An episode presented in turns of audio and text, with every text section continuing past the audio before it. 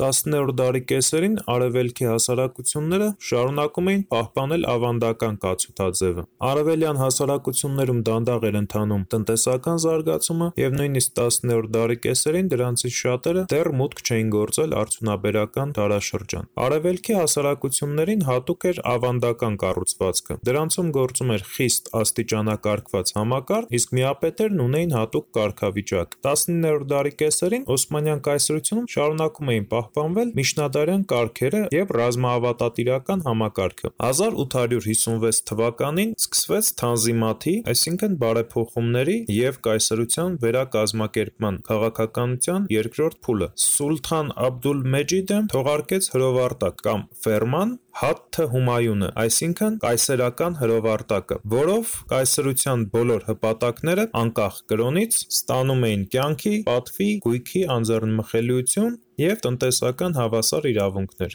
Սակայն այդ հրովարտակը հանդիպեց հետադիմական ուժերի, հատկապես զինվորականության խիստ դիմադրությանը և ձախողվեց։ 1870-ական թվականներին Օսմանյան կայսրությունում սկսվեց սահմանադրական շարժումը և 1876 թվականին ընդունվեց Օսմանյան կայսրության առաջին սահմանադրությունը։ Դրա հեղինակն էր Միդհաթ Փաշան։ Նրան օգնել էին նաև հայ և հույն քաղաքական և հասարակական գործիչները։ Երկրում ստեղծված բարդ քաղաքական իրավիճակում նոր իշխանության եկած Աբդուլ-Համիդ II-ը ստիպված ընդունեց սահմանադրությունը։ Սակայն դա ժամանակ շահելու փորձ էր, և շուտով Աբդուլ-Համիդը ցրեց Մեջլիսը, ինչպես նաև սպանել տվեց Միդհաթ Փաշային։ Օսմանյան կայսրության ներսում մեծ հակակրանք էր հասունանում Աբդուլ-Համիդ II-ի նկատմամբ։ 19-րդ դարի վերջին, 20-րդ դարասկզբին ստեղծվեց Միություն և առաջադիմություն (Իթթիհադ վե Թերակի) գաղտնի կազմակերպությունը, որի առաջին համագումարը տեղի ունեցավ Փարիզում։ 1907 թվականի դեկտեմբերին Փարիզում գումարվեց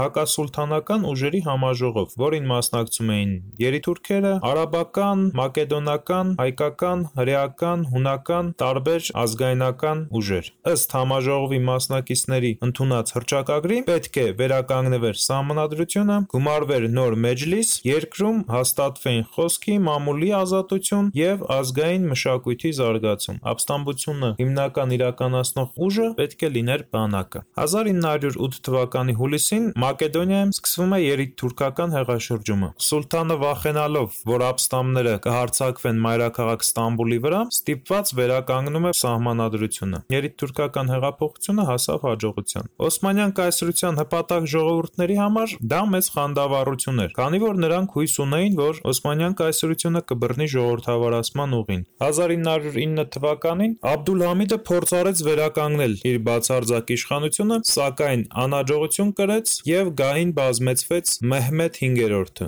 ով գործիք էր երիտթուրքերի ձեռքում։ Երկրում լիակատար իշխանություն ստանալուց հետո երիտթուրքերը հրաժարվեցին իրենց հռչակած կարգախոսներից և շարունակեցին Աբդուլ-Համիդի քաղաքականությունը հպատակ ժողովուրդների նկատմամբ։ Նրանք կազմակերպեցին հայերի, հույների, արաբների կոտորածներ։ Երիտթուրքերը պանթյուրքիստական գաղափարների կրող էին և նպատակ ունեին ստեղծել համաթյուրքական պետություն, որը պետք է ձգվեր Բալկանյան թերակղզուց մինչև Բայկալ լիճ։ 19-րդ դարի կեսերին Իրանը շարունակում էր մնալ հետամնաց ավատատիրական բռնապետություն։ 19-րդ դարի վերջին քառորդում և 20-րդ դարասկզբին Իրանում ուժեղացավ անգլիական և ռուսական ազդեցությունը, և Պարսկաստանը փաստացի դարձավ այդ երկու կայսրությունների կիսագաղութ։ Պարսկաստանի ամբողջ տարածքով մեկ ուժգնանում էր դժգոհությունը, որն ավելի սաստկացավ 1903 թվականին սկսած սովով։ 1906 թվականին հակաիշխանական շարժումները ավելի բորբոքվեցին, և շահը ստիպված հռչակեց Պարսկաստանի առաջին սահմանադրությունը, հրավիրեց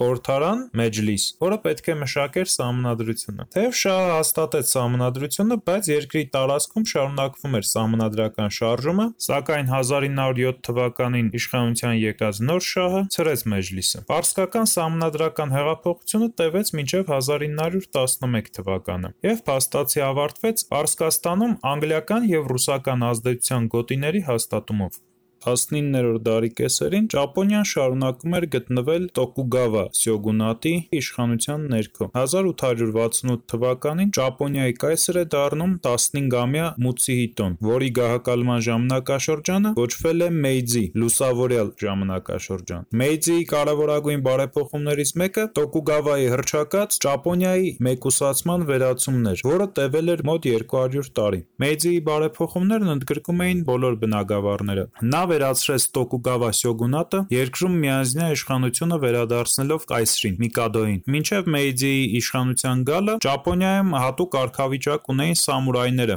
ովքեր զինվորական հատուկ դասակարգ էին։ Մեյձին մտցրեց ընդհանուր զինապարտություն, ինչով սամուրայները կորցնում էին իրենց հատուկ դերը հասարակության մեջ։ Սկսվեց Սացումայի ապստամբությունը, որը գլխավորում էր Սայիգո Տակամորին։ Սակայն Սիրոյամայի ճակատամարտում սամուրայները պարտություն կրեցին, իսկ ապստամբության ղեկավարները կատարեցին սեպուկու (ծիսական ինքնասպանություն)։ Մեյձին իրականացրեց դատական բարեփոխումներ, վերափոխեց հասարակությունը, վերացրեց հասարակության մեջ գոյություն ունեցող հատուկ դասերը։ Մեյձիի օրոք հողը սեփականաշնորհվեց, ինչը մեծապես նպաստեց գյուղատնտեսության զարգացմանը։ 1889 թվականին Ճապոնիայում ընդունվեց Սահմանադրություն, և երկիրը դարձավ սահմանադրական միապետություն երկպալատանի խորհրդարանով։ Մեյձիի օրոք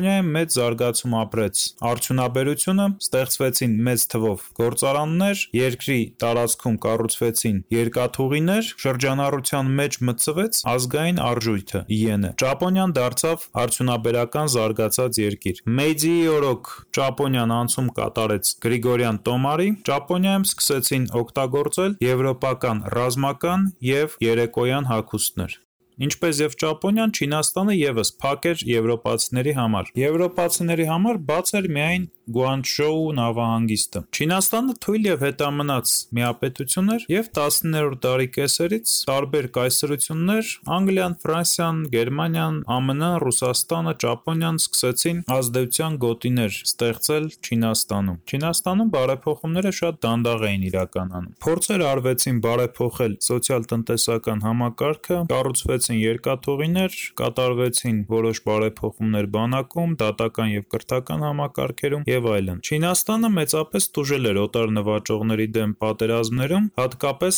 19-րդ դարի վերջում Չին-ճապոնական առաջին պատերազմից։ 19-րդ դարի վերջին և 20-րդ դարի սկզբին Չինաստանի տարբեր հատվածներում տեղի էին ունենում հակաիշխանական ապստամբություններ, և 1912 թվականին Ցին արքայատոհմը վերջնականապես գանկեց արվեց, և Սուն Յաթ-սենը հռչակվեց Չինաստանի Հանրապետության նախագահ։ Արևելքի ավանդական հասարակություններում ավատատիրական հարաբերությունները որոշ չափով շարունակվեցին նաև Առաջին համաշխարհային պատերազմին հաջորդած տարիներին և վերջնականապես դուրս մղվեցին միայն Երկրորդ համաշխարհային պատերազմից հետո։